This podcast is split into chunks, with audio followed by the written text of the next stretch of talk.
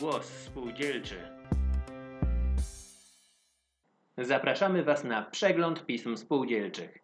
Dzięki uprzejmości oficyny naukowej przedstawiamy Wam fragmenty serii Kooperatyzm.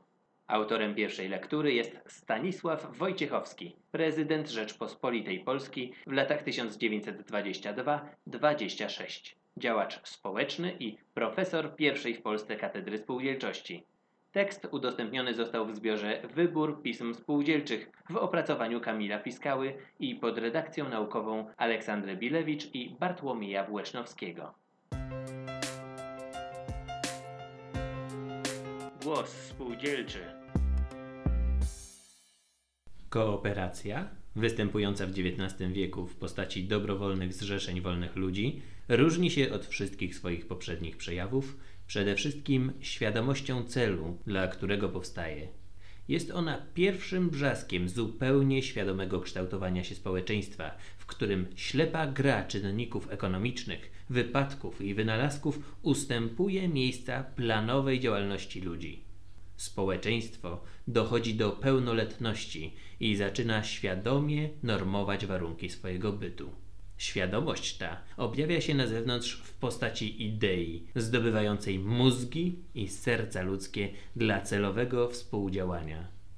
Zmiany zachodzące w potrzebach, wierzeniach i uczuciach, coraz gęstsze i bliższe siebie, przechodząc przez świadomość ludzką, odnajdując się w wielu duszach, spajają je w jeden prąd społeczny. Hasło tworzenia nowych warunków życia, odpowiadających nowym potrzebom i uzdolnieniom ludzi. Nowa idea i stopień jej rozpowszechnienia wśród ludzi decydują o powstaniu i rozwoju nowego ruchu społecznego, o jego jakościowej i ilościowej sile. Kooperacja jest ruchem społecznym. Powstała ona w warstwach pracujących jako reakcja przeciw kapitalizmowi, rozbudzona krytyką i wizjami pierwszych propagatorów. Na polu gospodarczym kooperacja występuje w postaci różnego rodzaju przedsiębiorstw spółdzielczych, których wspólną cechą w przeciwstawieniu do przedsiębiorstw kapitalistycznych jest dążenie do podporządkowania interesów kapitału interesom pracy, do zapewnienia zwierzchnictwa sił ludzkich nad siłami materialnymi. Spółdzielnie zmieniają praktykowany dotąd sposób prowadzenia przedsiębiorstw, wprowadzając nowe nakazy moralne Człowiek powinien być panem, a kapitał najemnikiem. Produkcja powinna mieć na celu najbardziej ekonomiczne zaspokajanie potrzeb ludzkich, nie zysk pieniężny. Ceny towarów i podział zysku powinny być sprawiedliwe. W stosunkach pomiędzy ludźmi powinno panować braterstwo społeczne, nie antyspołeczna walka o byt itd. Tak Tę nowość swoją spółdzielnie uwidoczniają i na szyldach swoich przedsiębiorstw. W Anglii rozpowszechniona była nazwa sprawiedliwe, we Francji braterskie. U nas w Polsce bratnia pomoc, sprawiedliwość, wyzwolenie, przyszłość, wiara i tym podobne. W ten sposób do ustalonych w życiu gospodarczym pojęć przybywają nowe, twórcze, przeobrażające panujące stosunki w myśl nowych potrzeb i uzdolnień ludzkich. W wyniku powstaje nowa metoda prowadzenia działalności gospodarczej spółdzielcza, która jest syntezą dwóch sprzecznych metod twórczej i naukowej. Metoda twórcza nie liczy się z warunkami, tworzy nowe pojęcia, idee, wzywa ludzi do współdziałania w imię dobrowolnie wysnutego ideału, który powinien być urzeczywistniony wbrew panującym pojęciom, naukom dotychczasowego życia. Metoda naukowa patrzy na życie jako nieprzerwany szereg zjawisk związanych ze sobą więzami przyczynowości. Każde zjawisko ma swoje przyczyny, jest uwarunkowane całym szeregiem zjawisk poprzednich. W metodzie tej nie ma miejsca dla bezwarunkowej dobrowolności. Mówi ona tylko o tym, co było, jest lub może nastąpić w przyszłości jako skutek znanych przyczyn, ale nigdy o tym, co być powinno. Wyklucza wszystko, co leży poza sferą doświadczenia, jest nieznane, rodzi się dopiero w niedostępnych tajnikach dusz ludzkich jako nowa siła twórcza. Współistnienie tych dwóch sprzecznych metod dobrowolnej twórczości i doświadczalnej nauki w działalności spółdzielni wynika z jej charakteru etycznego i ekonomicznego. Jako wyrazicielka nowych dążeń społecznych stawia ona postulaty moralne, których spełnienie prowadzi do niszczenia elementów kapitalizmu, do przeobrażenia stosunków. Jako organizacja gospodarcza podlega znanym prawom rządzącym dziś produkcją, wymianą i podziałem bogactw. Musi wykazać, jeżeli nie wyższą, to przynajmniej równą sprawczość, jak otaczające ją przedsiębiorstwa kapitalistyczne. Inaczej nie będzie mieć powodzenia, nie da korzyści gospodarczych. Współubieganie się ideału z wiedzą praktyczną jest tym nieustannym fermentem, który dokonuje się w duszach członków i kierowników spółdzielni. Występuje w dyskusjach na zebraniach i krystalizuje się w uchwałach ustalających metodę dalszego postępowania. Rywalizacja między idealistami a doświadczonymi praktykami zmusza obie strony do ciągłego ruchu. Zabezpiecza spółdzielnie od zastygnięcia na martwym punkcie dogmatyzmu albo bezdusznego naśladownictwa. Im wyższa wśród członków temperatura społeczna, im silniej promieniuje ideał i wiedza, tym szybszy proces dojrzewania spółdzielni, tym doskonalsza jej działalność i technika. I odwrotnie, jeśli w działalności spółdzielni następuje rozbrat pomiędzy jej ideowością a praktyką, wówczas albo to nie ona w dogmatyzmie, w scholastycznych sporach o czystość ideału nie dającego się urzeczywistnić, albo staje się ślepym automatem, przedsiębiorstwem bez znaczenia społecznego. Ruch spółdzielczy czerpie swoją siłę z idei wyzwolenia człowieka, rugowania współzawodniczego ustroju kapitalistycznego przez braterskie współdziałanie ludzi we wszystkich stosunkach. Wprowadza on ideał, zarodek rozwojowy nowych stosunków społecznych, pod którego wpływem topnieją zmaterializowane formy dotychczasowego życia.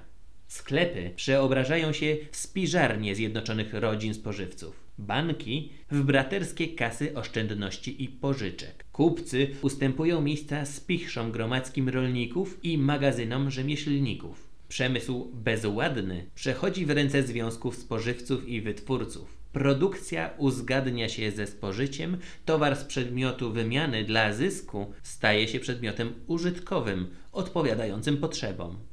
Wszystko przeobraża się w imię potrzeb ludzi, braci, tworzących nowe instytucje, usuwające ekonomiczne, polityczne i etyczne składniki kapitalizmu.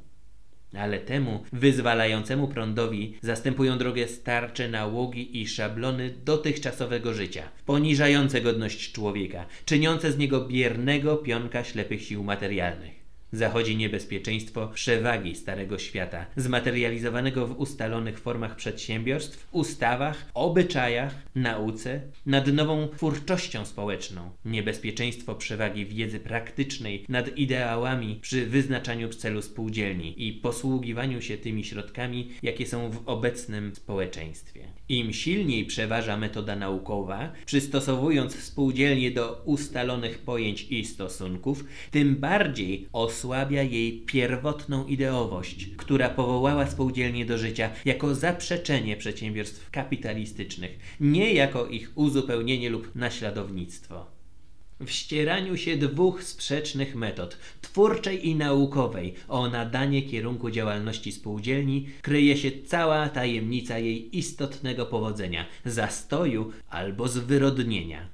Spółdzielnia idzie po linii wypadkowej starcia się tych dwóch sił metod i zagadnienie praktyki kooperacji sprowadza się do szukania odpowiedzi na pytanie, jak wzmocnić siłę postępową idei, pobudzającej w kierunku tworzenia nowego świata. O sile idei decyduje stopień jej rozpowszechnienia. Stąd wynika potrzeba propagandy idei kooperacji, zdobycia dla niej jak najwięcej wyznawców, wiernie odtwarzających ją w życiu. Ale i tutaj zachodzi niebezpieczeństwo osłabiania znaczenia idei przez propagowanie jej z punktu widzenia tylko doraźnych potrzeb spółdzielni, na przykład pozyskania członków lub otrzymania od nich więcej udziałów dla rozwinięcia operacji gospodarczych. Dlatego właśnie dla prowadzenia spółdzielni jest konieczne zainteresowanie członków moralnie i materialnie. Przez to osiąga się spoistość wewnętrzną nieporównanie trwalszą niż tam, gdzie jako siła kojarząca występuje tylko interes materialny albo tylko idea. Oddzielenie jednego od drugiego zmienia cały charakter spółdzielni, zwyradnia ją albo przeistacza. Jeżeli usuniemy ze spółdzielni stałe obcowanie członków ze sobą i ich wzajemne oddziaływanie na siebie i otoczenie, to pozostanie tylko mechaniczne zespolenie materialne, zwykła spółka, przedsiębiorstwo. Jeżeli usuniemy ze spółdzielni wkłady majątkowe albo odpowiedzialność majątkową członków, unicestwiamy materialną podstawę jej działalności gospodarczej i przeistaczamy ją w związek dla celów tylko idealnych towarzystwo oświatowe, naukowe, filantropijne, sportowe, zawodowe i tym podobne. Im luźniejszy jest związek członków ze swoją spółdzielnią, czy to w zakresie gospodarczym, czy moralnego oddziaływania, tym słabsza jest sama spółdzielnia i jako przedsiębiorstwo, i jako narzędzie przemiany społecznej. Ruch spółdzielczy bierze ludzi takimi, jakimi są, ale ogarniając ich i uspołeczniając ich interesy życiowe od najniższych do najwyższych. Przez praktykowanie braterstwa robi z nich nowych ludzi, celowo usuwając wszystko to, co jest krzywdą i poniżeniem istoty ludzkiej. Tej nowej, radosnej, twórczej wiedzy zastępuje drogę stara, pesymistyczna, powstrzymująca wiedza i w zmaganiu się tych dwóch wiedz w mózgach członków i kierowników spółdzielni szukać należy przyczyny kształtującej jej charakter społeczny. Im bardziej członkowie i kierownicy spółdzielni stają się ludźmi moralnie i umysłowo wyższymi, tym bardziej ludzka staje się forma ich współżycia i tym doskonalsza ich metoda posługiwania się środkami materialnymi.